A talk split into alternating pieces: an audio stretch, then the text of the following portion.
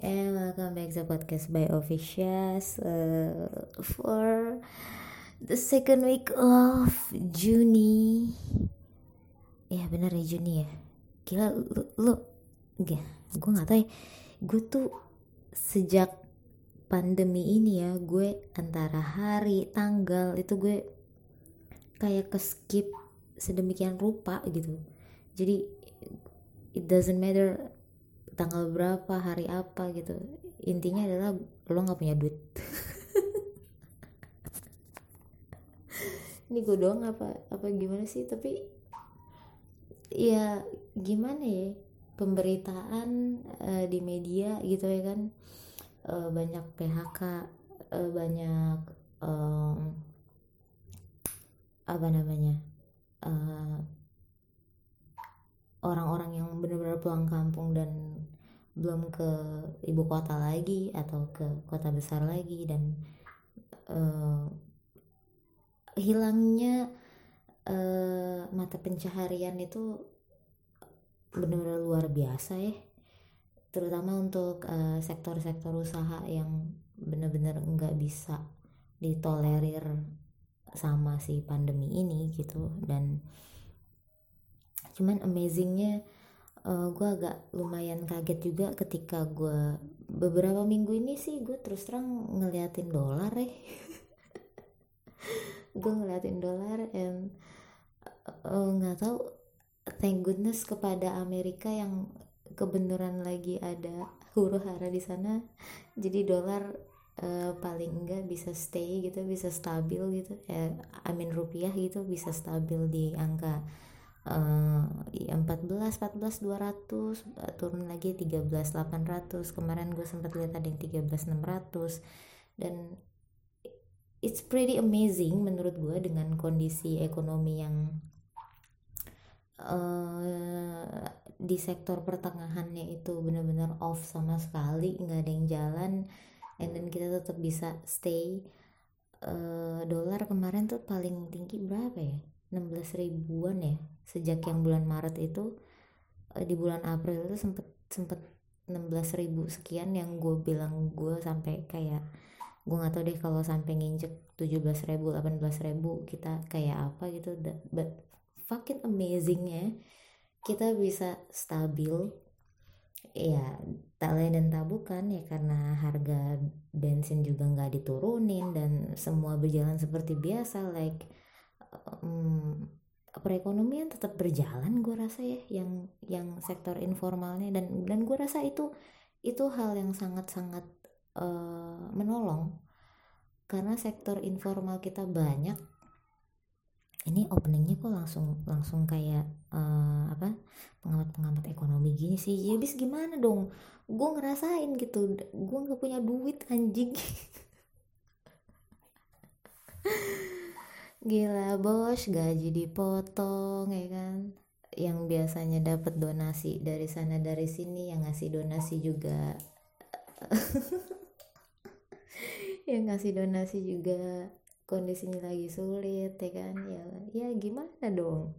Hmm. ya thank goodnessnya posisi bokap gue masih nakes sih jadi paling enggak gue nggak harus minta-minta sama tetangga atau ngandelin bansos doang gitu untuk makan gitu ya. Ya thank goodness untuk untuk uh, apa namanya kondisi yang itu.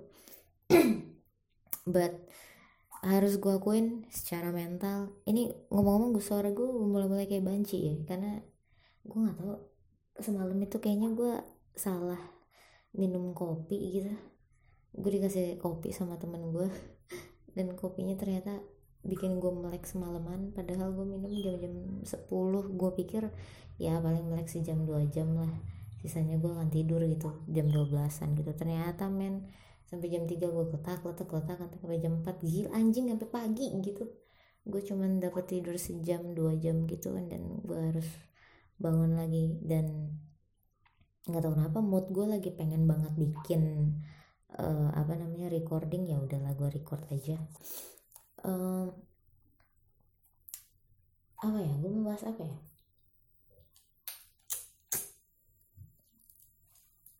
Hmm. Iya kalau suara-suara gue menggema seperti biasa nggak seperti biasa sih kayak yang sebelumnya gue pernah record gue record di kamar mandi lagi. Nggak tahu kenapa vibe-nya selalu enak di kamar mandi. Ya ya mungkin karena gue sendirian dan kayaknya hening apa gitu nggak ada suara apa. Dan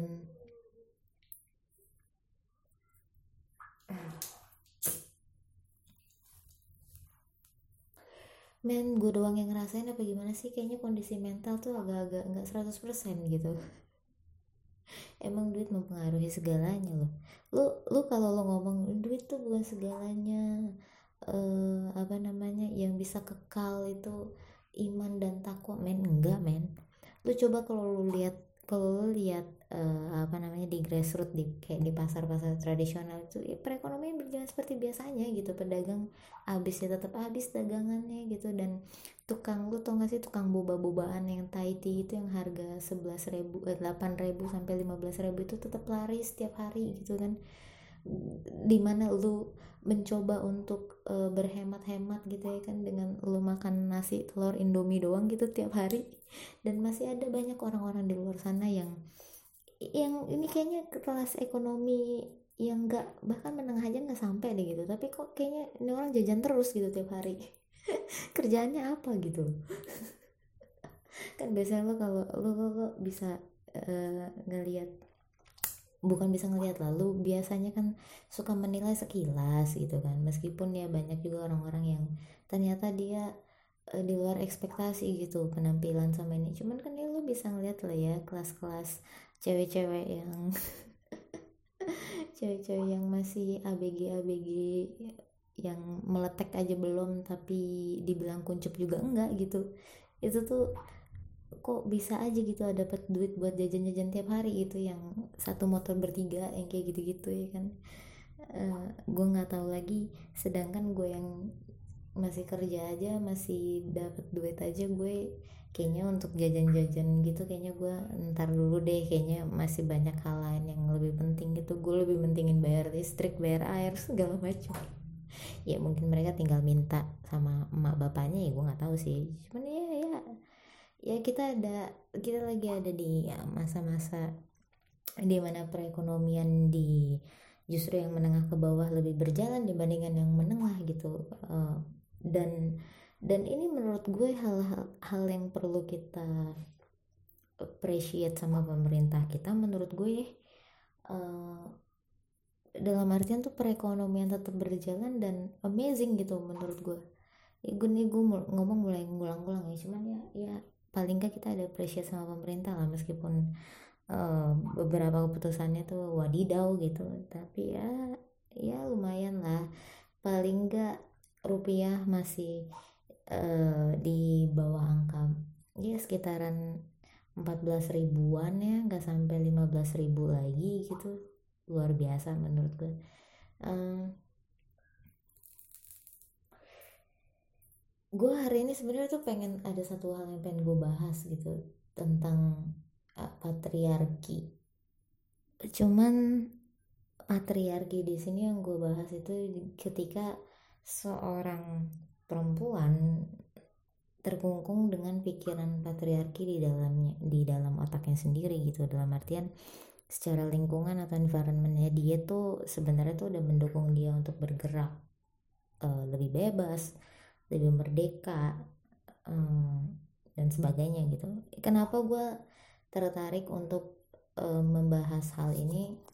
Yang pertama uh, belum lama gue ceritanya agak hati-hati nih. Belum lama gue denger da, cerita dari temen gue uh, intinya om itu sedang dalam toxic relationship gitu nah begini gue bingung nih. Gue mau masukin ini ke tema uh, relationship atau social issue atau point of view. Ya nanti lihat nanti aja lah ya. Gue sendiri bingung mau bawa podcast ini ke mana gitu. Dan ya, anyway intinya adalah uh, eh, gue udah lama gak ketemu sama teman lama gue ini gitu. Uh, and then ketika gue dengar ceritanya dia dia itu uh, pacaran kurang lebih sekian lama lah. Gue nggak usah sebut berapa lamanya. Ya belum lama-lama banget lah. Uh, intinya dia mau putus sama cowoknya ini gitu. Kemudian si cowoknya ini nggak mau diputusin. Uh, mereka sempet living together tapi um,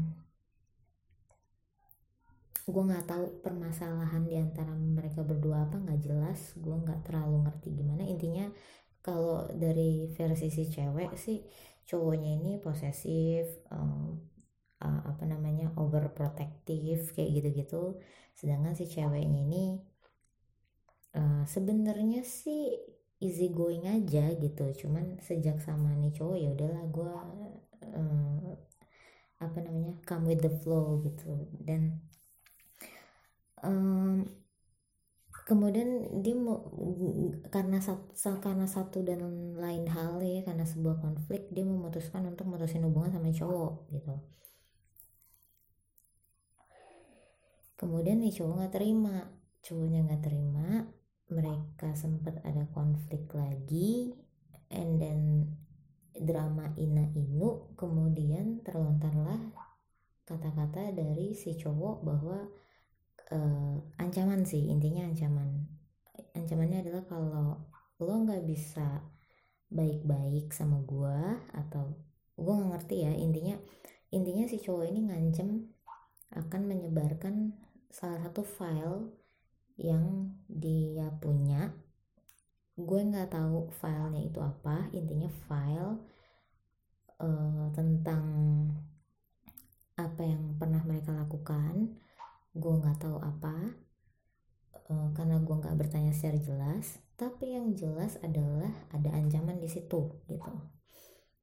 Uh, ketika pertama kali gue denger gue ngerasa ah men ini udah tindak kriminal ya menurut gue gitu. Ketika lo ngancem orang bahwa lo akan ngejatuhin karakternya dia atau mempermalukan dia gitu. Uh, karena sesuatu hal yang dia lakukan sama lo atau lo terlibat di dalamnya dan lo menjadikan itu sebagai sebuah ancaman uh, untungnya bukan pemerasan ya tapi ancaman. Menurut gue itu udah salah satu tindak kejahatan gitu. Dalam artian lo memaksa seseorang untuk melakukan sesuatu yang lo mau gitu uh, dengan konsekuensi itu. Um, yang gue nggak ngerti jadi gue gue nggak menurut gue ya menurut gue ketika gue dengar ceritanya apa segala macam ini cewek tuh nggak dalam posisi yang sangat-sangat terhimpit yang dia nggak bisa ke mana-mana tuh enggak uh, cuman posisinya cewek ini memiliki benak dalam pikirannya atau kekhawatiran dalam pikirannya. Sekarang sih kalau yang gue tahu sih udah enggak ya gitu. Cuman sempet ngerasa gimana nih kalau kalau dia ngelak bener-bener ngelakuin hal itu gitu. Ngelakuin ancaman yang dia sebutin gitu. Intinya ada kekhawatiran. Si cewek ini punya kekhawatiran kalau cowok ini bener-bener ngelakuin apa yang dia omongin gitu. Kalau gue jadi tuh cewek gue mungkin juga akan yang pertama pasti gue bingung ya gue harus melakukan apa karena mungkin itu merupakan salah satu aib yang pernah ada gitu. Tapi gue berpikir sejernih mungkin gue berusaha berpikir sejernih mungkin bahwa ini orang niatnya udah nggak baik. Yang pertama dengan atau tanpa gue ikutin kemauannya dia ketika dia udah ada niat seperti itu dia pasti bisa melakukan itu. Ataupun tidak. Tapi the worst case nya dia bisa melakukan hal itu gitu. Dan ketika ada ancaman seperti itu dan dan gue merasa terancam apalagi sampai uh, terancam keselamatan jiwa ya ya karena nih cewek tuh sampai yang didatengin ke tempatnya dia gitu. Terus katanya uh, jendela kamarnya sempat ditimpuk apalah kayak gitu-gitu. Uh, gue mungkin yang gue lakukan adalah gue mungkin akan lapor RT RW setempat gitu. Atau kalau emang ada security gitu ya kayak ya petugas keamanan di situ gue akan lapor bahwa ini tolong dong kalau ada orang dengan ciri-ciri seperti ini kalau perlu gue tunjukin fit, uh, fotonya gitu tolong diusir karena dia begini begini begini gitu. Atau sekalian gue mendingan bikin laporan berita acara eh ya BAP gitu. Gue laporin dia atas um, apa namanya tindakan ancaman gitu.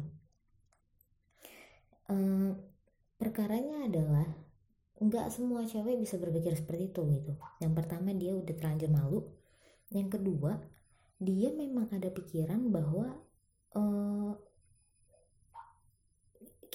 cewek itu ruang geraknya tidak sebebas laki-laki gitu.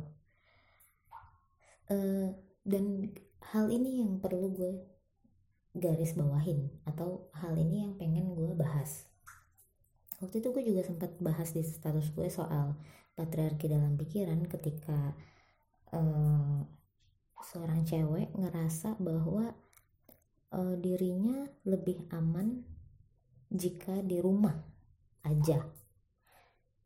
Karena uh, lingkungan yang enggak mendukung cewek untuk misalkan untuk uh, bekerja secara bebas gitu atau uh, ancaman kekerasan seksual atau ancaman pelecehan dan segala macam gitu dan uh, badly banyak cewek yang merasa bahwa uh, um, uh, beraktivitas di luar rumah itu merupakan beraktivitas di luar rumah bagi perempuan itu merupakan uh, salah satu privilege yang gak semua orang punya. Padahal lingkungan kita gue ngomongin ini uh, khusus ya di Indonesia gitu terutama di Jakarta. Padahal lingkungan kita terutama di Jakarta mau di kantor mau di uh, pabrik mau you name it lah semua industri semua uh, jenis usaha semua jenis badan hukum pasti ada perempuan yang kerja di situ gitu. Bahkan gue pernah uh, sempat kerja di mana posisinya tuh satu kantor itu yang cewek itu cuman gue sama uh, ada teman gue gitu. Sisanya laki-laki semua gitu. And then uh, kita ngerasa aman-aman aja gitu. Uh, as long as you can uh, apa ya uh, respect each other gitu. Dan um, yang gue sayangkan beberapa perempuan itu beberapa perempuan ini tidak dibatasi ruang geraknya tapi berpikiran di kepalanya bahwa e, gerakan mereka itu terbatas dengan lingkungan di mana laki-laki itu lebih dominan gitu gue nggak ngerti kenapa hal ini bisa kejadian. Mungkin mungkin ya gue gue bisa paham karena mungkin budaya kita yang sejak berpuluh-puluh tahun lalu um, sangat memberikan ruang gerak bagi perempuan itu terbatas gitu. Uh, perempuan maksud gue gini loh perempuan bisa kerja di uh, apa namanya posisi-posisi tertentu gitu. Kayak misalkan accounting ya bagian-bagian keuangan gitu kan. Atau uh, administrasi gitu. Atau bagian-bagian uh, sales marketing mungkin hal-hal yang kayak gitu. Cuman kalau kayak bagian uh, apa namanya uh, apa namanya kayak operasional atau apa sangat jarang. Gue bisa mengerti hal ini ketika badan usaha itu merupakan usaha yang bergerak uh, uh, dengan mengandalkan kekuatan fisik. Contoh misalnya kayak pergudangan gitu yang lo harus ngangkat-ngangkat barang yang lo harus mindahin barang ke sana ke sini gitu. Misalkan stock of namanya lo harus ngitung barang barang-barang besar gitu barang-barang gede. Ya ya secara logika memang nggak mungkin perempuan ditaruh di situ gitu. Ya kemungkinan perempuan ditaruh di situ hanya untuk pencatatannya aja gitu. Cuman kalau untuk aktivitas fisiknya nggak mungkin ditaruh perempuan gitu. Gue bisa paham kalau misalkan memang kondisinya seperti itu.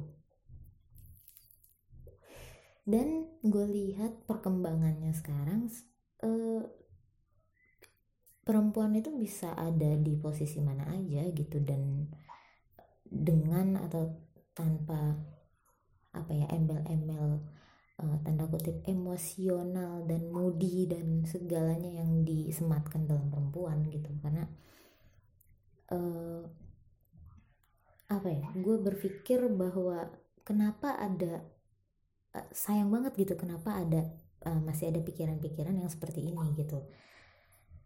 Um, untuk kasus yang temen gue tadi gue bisa paham karena dia merasa uh, nama baiknya atau uh, apa ya image kehormatan dan um, segala derajatnya itu ada di situ maybe. Jadi dia merasa hal itu terancam dan mungkin yang dia pikirkan adalah nama baik keluarga apa segala macam gitu gue bisa paham cuman yang gue nggak ngerti ketika ada cewek yang berpikir seperti yang gue bilang tadi tuh yang uh,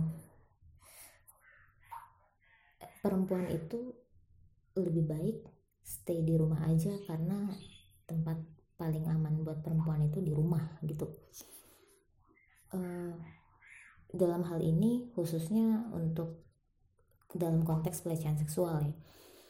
Padahal kasus pelecehan seksual yang paling banyak dialamin sama baik perempuan atau anak di bawah umur atau perempuan yang dewasa atau perempuan remaja atau bahkan laki-laki lebih banyak dialami di dalam rumah sama orang terdekat mulai dari ayah kandung, paman, saudara, tetangga. Kalau lo bisa lihat kasus-kasus pelecehan seksual, kebanyakan mereka dilecehkan atau mendapat kekerasan seksual itu padahal dari eh, orang-orang uh, yang terdekat, orang-orang yang mereka kenal, orang-orang yang seharusnya jadi uh, environment yang baik yang bisa proteksi mereka dari hal-hal itu. Then why people still thinking like that gitu. Gue nggak ngerti kenapa bas masih banyak cewek-cewek yang beranggapan bahwa tempat terbaik dan teraman bagi cewek itu di rumah gitu. Bahkan banyak juga kok yang uh, istri-istri yang dapat kekerasan seksual itu dari suaminya gitu. Ini hal-hal hal yang sebenarnya agak-agak um, pro kontra ya. Kalau misalkan udah dibilang kekerasan seksual tapi dilakukan oleh suami uh,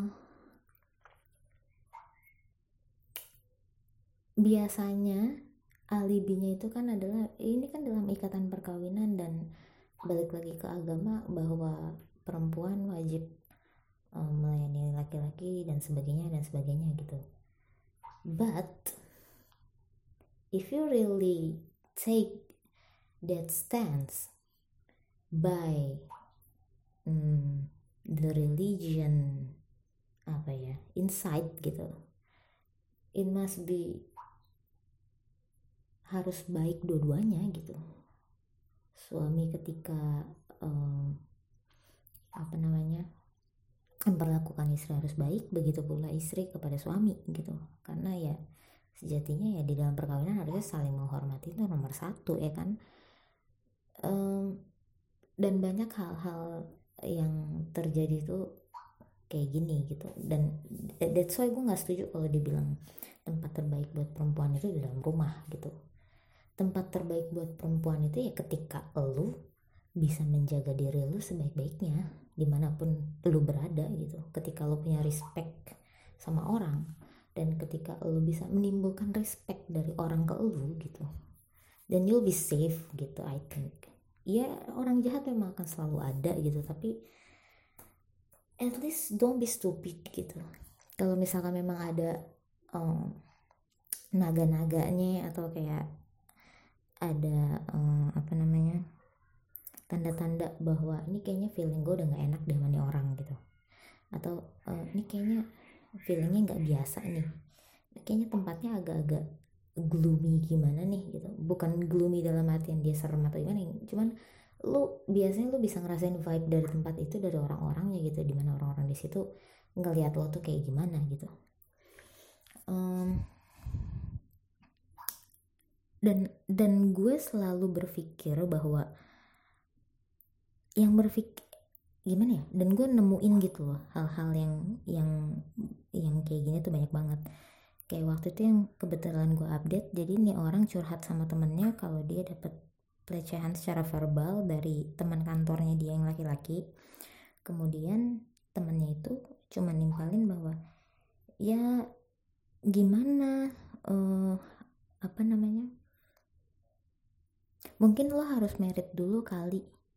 Karena biasanya uh, apa namanya kalau udah nikah itu lebih aman biar gimana tuh kita tuh butuh laki-laki buat um, melindungi kita gitu. Jadi orang tuh bakalan lebih hormat sama lo kalau lo udah punya suami. Hmm gue nggak tahu apakah pandangan seperti itu beneran ada. Tapi buat cowok-cowok yang masih berpandangan seperti itu bahwa uh, cewek-cewek yang lo hormati itu yang memang mereka sudah menikah gitu. Shame on you gitu ya, maksud gue ya ya mau statusnya apa pun gitu mau dia gendernya apa pun bahkan mau orientasi seksualnya apa pun ya menghormati menghormati aja gitu. Nggak harus ada maksud gue tuh gimana ya apakah menghormati itu harus ada embel-embel ketika status lo udah begini ketika lo udah begini begini? I know the society gitu lo nggak bisa lo nggak bisa bendung lo nggak bisa kontrol gitu tapi the answer is how we build uh, the habit kan gitu. Um, gimana caranya kita menumbuhkan uh, kebiasaan baru budaya baru ini gitu? Ya tentu dengan pendidikan dengan saling komunikasi gitu. Kayak gue pernah ceritain bahwa gue pernah juga beberapa kali mendapatkan uh, pelecehan baik verbal ataupun bahkan uh, sentuhan fisik meskipun tidak secara apa ya meskipun bukan organ intim yang yang uh, apa namanya yang kena kontak sama orang lain gitu. Cuman uh, when it comes to apa ya sifat dominasi gitu dari laki-laki ke perempuan gitu gue pasti akan gue pasti akan lawan gitu siapa pun orangnya gitu. Ketika gue udah ngerasa nggak nyaman gitu ketika gue ngerasa kok ini kayaknya agak agak agak tendensius nih gitu ada agak tendensius. Apalagi kalau misalkan dia si orang ini sudah uh, apa ya secara apa nih terang-terangan secara uh, poin gitu uh, ngomongin hal-hal uh, berbau seksual di mana menempatkan sebagai objeknya uh, gue bisa menganggap itu pelecehan gitu. Uh, balik lagi uh, memang tergantung referensi dan literasi lu sih. Kalau ada juga yang cewek-cewek yang apa ya baru dapat tetapan gimana aja tuh udah ngerasain udah ngerasa kalau dia dilecehkan gitu. Padahal maksudnya mungkin bukan itu gitu. Jadi ya buat gue sih mungkin diperjelas aja ya gitu. Um, kayak yang gue pernah bilang gitu ya bahwa keterbukaan tentang hal-hal berbau seksual itu perlu tapi ya bukan berarti lo bisa menjadikan gue sebagai objek uh, secara informatif gitu. Karena gue kenapa gue bilang secara informatif? Gue pernah bahas ini sama temen gue juga uh, ketika ada cowok misalkan gitu ya yang uh, mengimajinasikan gue sebagai objeknya gitu gue nggak bisa kontrol itu gitu. Gue nggak bisa ngelarang gue nggak bisa intervensi hal itu karena itu ada di imajinasi orang gitu. Jadi ketika dia ngomong atau kayak apa ya mengajak gue untuk berim, ikut berimajinasi juga gitu gue berhak menolak dong. Dan ketika gue sudah menolak seharusnya dia nggak mencoba lagi atau nggak memaksa gue untuk melakukan hal yang tidak gue uh, kehendaki itu gitu. Jadi ya batasannya kurang lebih di situ lah. Uh, apa itu pelecehan dan enggak gitu. Ketika hal itu tidak lo kehendaki atau lo keberatan dengan hal itu ya lo omongin aja gitu.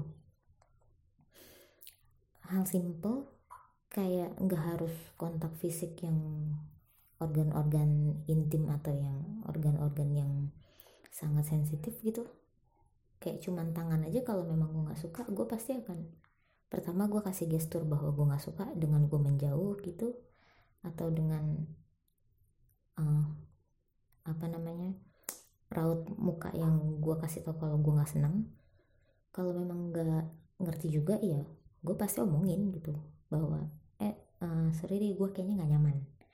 Atau eh sorry deh uh, gue suka bercanda tapi jangan pakai kontak fisik ya gitu. Mungkin beberapa uh, cewek ada juga yang ngerasa segen untuk ngomongin ini ya karena pikiran patriarki tadi itu gitu loh. Jadi mereka merasa bahwa untuk menghindari itu mereka pu harus punya satu sosok laki-laki yang ada di samping mereka atau mungkin secara status terikat dengan mereka untuk uh, gue ngomong status di sini uh, berarti secara legal ya secara catatan sipil. Itu seperti perkawinan gitu atau ya dan lain sebagainya gitu. Ketika uh, mereka sudah punya status itu secara legal mereka baru merasa bahwa diri mereka aman gitu. Padahal ancaman kekerasan seksual ancaman pelecehan seksual itu ya sama-sama aja. Nggak nggak ngelihat status lo siapa dan nggak ngelihat lo umur berapa bahkan. Lo bahkan tahu kan gitu uh, ada nenek-nenek yang jadi korban kekerasan seksual gitu dan dan iya kalau secara logika ya itu nggak masuk akal banget lah gitu. Kenapa harus nenek-nenek gitu loh dari sekian banyak korban gitu. Tapi ya that is the reality gitu. Manusia nggak bisa ditebak men. Dan that's why I call the uh, perempuan tuh harus pinter gitu. Dan dan I don't I don't agree gue nggak pernah menjunjung kesetaraan gender nggak pernah menjunjung feminisme apa segala macem gue nggak pernah. Cuman uh, as long as you respect each other gitu uh, hak-hak individu dan itu udah cukup udah lebih dari cukup gitu. Um, gue bukan menghapus uh, apa namanya perbedaan gender segala macam ya. Secara biologis itu memang ada kok gitu. Dan kita harus akuin itu gitu. Lo nggak bisa uh, kayak apa ya hmm, cewek ini bisa kok ngelakuin semua yang yang laki-laki lakuin. Enggak men nggak kayak gitu. Secara uh, fisik kita emang udah pasti beda gitu. Gue nggak nggak ngomong masalah uh, apa namanya kecerdasan atau apa ya tenaga. Dan hmm, memang lo nggak bisa lari dari itu gitu. Dan sebenarnya kalau lo mau akuin gitu benefitnya banyak kok gitu. Dengan lo mengakui bahwa perbedaan gender itu memang memang nggak bisa setara gitu. Iya nikmatin aja gitu. Kenapa sih gue tuh kadang suka bingung ya sama sama orang-orang penggosong feminisme gitu ya.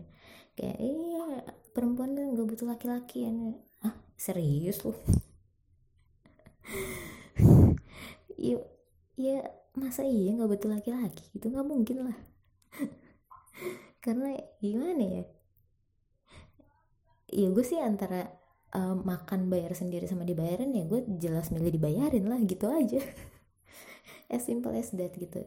It doesn't mean that kalau misalnya makan bareng cowok harus selalu bayar ya. Ya gue ketika gue ngerasa gue pengen bayar ya gue bayar bayar aja gitu. Bahkan ya gue sama gue selama gue ngejalanin relationship juga ya selalu ganti-gantian dan gue nggak pernah ngitung-ngitung oh yang ini gue yang ini lo gitu. Nggak pernah ngitung-ngitung gitu sih.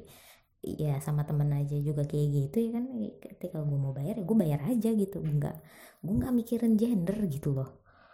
Ya siapa yang punya duit aja kan gitu gitu. Cuman maksud gue tuh kenapa harus kenapa harus digadang-gadang gitu loh bahwa bahwa cewek itu nggak butuh laki-laki gitu. Men enggak lah kita semua saling butuh gitu. Cewek butuh cewek cowok butuh cowok cewek cowok saling butuh gitu. Ya namanya makhluk sosial nggak mungkin lo nggak butuh sosok laki-laki gitu. But it doesn't mean that kalau lo nggak ada laki-laki lo nggak bisa berjalan. Paham gak sih maksudnya? Paham perbedaannya nggak sih gitu? Jadi kayak lo eh, nggak uh, bisa juga bergantung menggantungkan kehidupan lo sepenuhnya gitu ya kalau misalkan lo uh, ibarat kasarnya lo nggak kuat ngangkat galon ya udah akuin aja gitu. Minta tolong sama laki lo gitu. Atau sama adik lo yang cowok gitu. Kenapa harus lu sok-sok strong gitu ya kan atau lu nggak berani masang masang apa tuh namanya masang uh, gas LPG yang 12 kilo gitu karena gede gitu kan lu nggak berani ya udah ngomong aja sama laki gitu ya kan. Ya meskipun laki juga banyak yang takut ya. Urusan gas meledak atau enggak nggak lihat gender dong gitu.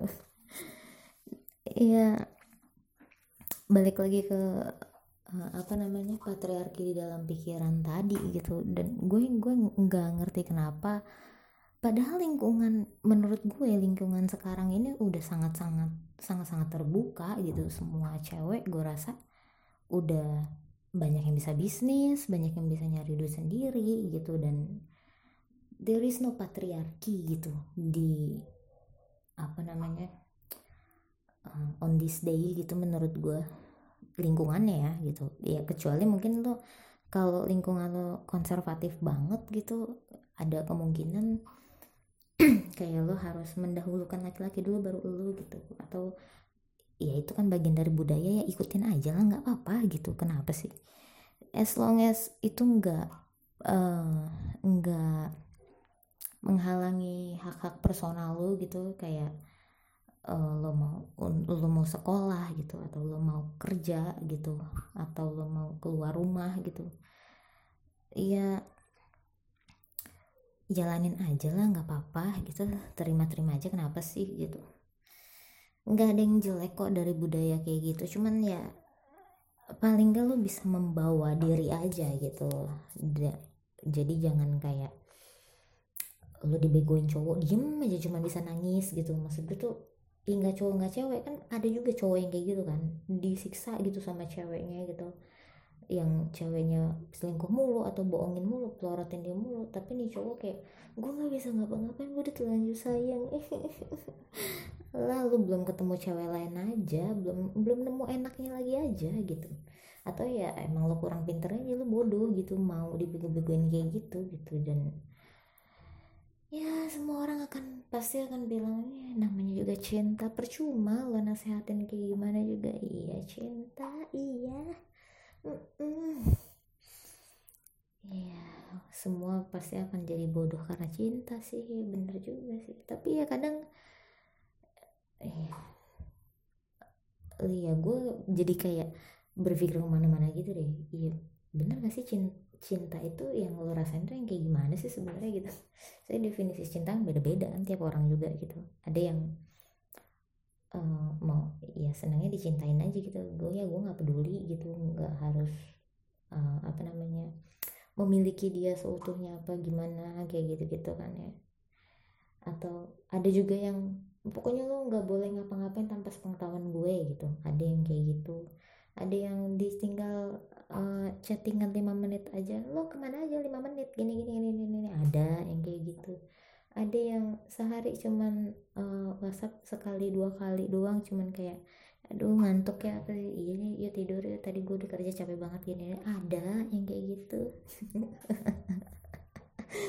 Iya macam-macam cuy. Dan dan nggak ada namanya definisi definisi pasti tentang cinta gitu. But at least jangan goblok jangan bego jangan pernah uh, dibodoh-bodohin sama orang apalagi sama pikiran lo sendiri gitu. Ketika lo udah terhimpit dan lo ngerasa sudah tidak bebas lagi gitu sudah tidak merdeka lagi there is something wrong gitu. Dan lo harus ikutin pokoknya lo ikutin ketika ketika feeling lo tuh udah ngerasa kok gue nggak happy ya? gitu. Ada apa ya gitu. Nah itu pasti udah something wrong tuh karena mau susah-susahnya lu gitu apalagi soal urusan duit gitu. Kalau kalau sama orang yang bener gitu ya lu pasti uh, fine fine aja lah gitu. Ya paling ribut-ribut dikit kayak terus kita mau makan apa nih besok? Gitu. Yaudah indomie aja sama telur. Yaudah ya yuk kui kui gitu. Paling kan kayak gitu doang. Atau kayak eh listrik gimana nih? Belum bayar. Besok mana tukang air datang lagi. Gini nih yaudah pinjam dulu yuk yuk yuk yuk, yuk gitu kan. Kan paling kan gitu gitu nah, kalau misalkan emang dasarnya ada something wrong gitu dan yang dia selalu blaming lo gitu atau lo um, melakukan hal yang sebaliknya lo ngeblaming dia terus gitu ya lo salah-salahin dia terus gitu atau dia terlalu toxic gitu dia nggak bisa respect sama lo gitu dia nggak bisa menghargai keberadaan lo gitu dan you gonna find you better find someone else gitu. Atau ya paling enggak kalau lo emang nggak bisa nemuin someone else gitu paling enggak nggak usah lanjutin lagi sama tuh orang. Karena toxic relationship itu sangat apa ya bikin mental lo jelek bikin lo nggak bisa bebas bikin lo khawatir terus gitu bikin lo merasa nggak berdaya gitu ya kan. Karena ending endingnya pasti nih ketika lo ngerasa gue mau ninggalin dia nih. Ini pasti nih orang akan say sorry pasti akan menghamba-hamba lo pasti akan meminta maaf mohon-mohon sama lo untuk ayo gue bisa berubah gue bisa berubah. Percaya sama gue dia nggak akan pernah bisa berubah udah titik. Bahkan dia bisa lebih buruk lagi dari yang pernah lo lihat. Karena itu ya ibaratnya lu belum merit aja lu udah ngelihat dia yang sedemikian rupanya gitu dan dan apa yang mau lo harapin dari orang-orang seperti itu gitu. Ketika lo udah anjing nih udah nggak bisa satu visi misi sama gue udah mendingan cabut. Mendingan udah. Apalagi kalau dia udah kayak nggak bisa respect sama lu gitu nggak bisa menghargai semua yang gue lakukan sama sekali pokoknya lu di mata dia salah aja gitu dan udah lu cabut lu putusin lu gimana kayak lu nggak usah ada alasan ya. Gue ini rata-rata nih ya cewek ya. Selalu pengen dikejar gitu. Bahkan sama orang toksik sekalipun gitu. Jadi iya gue mau putus tapi gimana? Dia ngejar-ngejar terus gini gini gini gini gini. Men ini tuh di zaman canggih gitu. Kalau misalnya lo bilang iya nih tapi dia nelfonin mulu blokir nomornya iya nih tapi dia ngobongin di Instagram lo blokir semuanya email kontak uh, Instagram Facebook semua blokir. Kalau perlu ya lo hubungin teman-teman lo yang nomornya dia save suruh teman-teman lo semuanya blokir. Biarin aja urusan ibarat kasarnya ya paling malu-malu dikit lah. Paling ditanya kenapa sih lu? Bener lu bilang aja udah berantem pokoknya gue nggak bisa uh, apa namanya uh, udah pokoknya berantem lu nggak usah nggak usah banyak tahu. Udah cepetan blokir. Udah selesai. Gak usah ngomong panjang-panjang lebar ngejelasin ina inu sambil nangis nangis ter ujung-ujungnya juga lo bakalan. Ini gue nggak tega lagi sama dia. Dia udah mau mohon-mohon lagi sama gue apa segala macam tai lah. Ini gue menggebu-gebu banget ya. Habis gimana ya? Banyak yang kayak gitu. Dan ya sedikit pengalaman pribadi ya bisa jadi ya. Uh, uh. tapi ya kadang-kadang memang ada sesuatu yang lo kayak ah ya udahlah let be aja. Enjoy the enjoy the time enjoy the ride gitu ya kan. Tapi ya selama lo masih bisa enjoy ya udah enjoy. Kalau udah nggak enjoy cabut cabut. Udah nggak usah banyak alasan nggak usah banyak. Tapi dia ganteng gue nggak mungkin bisa dapet yang ganteng lagi. Men capek deh gue. Lu uh, ngebela-belain ganteng atau ngebelain lo diantar jemput terus sama nih orang tapi lo di ke sana nggak boleh ke sini nggak boleh. Teman sama ini dilarang temenan sama si itu diomongin. Lo kehilangan diri lo yang sebenarnya udah itu nggak baik buat lo apalagi kalau dia sampai ngelarang kerja ngelarang sekolah putusin. Nggak usah pakai alasan tapi dia sayang sama gue ini ini ini. Kalau dia sayang dia bakal support apa pun yang lo lakukan. Kalau dia sayang dia bakal oh iya mana? Lo mau ngapain? Coba dong gue mau lihat. Oh enggak gini, gini gini. Mungkin dia bahkan mungkin dia bawel tapi dia ngasih kritik dan dia support gitu. Ketika itu lo nggak dapetin udah mendingan cabut. Karena uh, orang yang baik buat lo itu ya pasti maunya lo happy dong. Masa dia maunya lo nggak happy? Ketika dia nggak mau lo happy dia nggak happy ketika lo happy berarti dia bukan orang yang pas buat lo udah gitu aja gitu. Ya kecuali kalau lo uh, mau terus-terusan atau lo betah di dalam relationship yang kayak gitu terus ya itu sih pilihan lo terserah gitu. Cuman uh, hal ini penting buat gue karena apa? Buat gue banyak cewek ataupun cowok mereka gue nggak pernah ngelihat gender karena mau cowok mau cewek kalau lagi bego ya bego aja. Kalau lagi sengke ya sengke aja gitu. Walengsek ya walengsek aja gitu. Nggak ada bedanya. Ketika lo uh, udah ngerasa ini udah kayaknya ada yang salah ya apa ya apa ya udah deh lu mendingan cari waktu sendiri bandingin antara ketika lu sendiri sama lu sama dia gitu. Lu lebih tenang yang mana lu lebih happy yang mana ya udah itu. Gila gue sampai aus lo ini sampai aus lo sampai aus lo gue. Kayaknya gue ah, kali ini gue ngomongin podcast itu aja ya. Ya mungkin gak ada hubungannya sama corona sih tapi abis gimana men? Gue udah gak pernah dengerin berita nonton berita konsumsi berita apa pun soal corona gitu karena it's gonna make me stress gitu. Dan ya memberi info-infonya 10% 90% nya stres dan merasa gue dikejar-kejar dan diteror gitu loh. Jadi ya gue I decide to no I stop consuming any news apa pun semua updatean tentang corona gue nggak mau denger dulu apa pun itu. Ya paling kalau kayak nah ini tanggal ini mulai aktif kerja apa segala macam kayak gitu gitu cuman kalau semua tentang corona mau vaksin apa segala macam gue nggak peduli. Bodo amat. Nanti aja itu mah.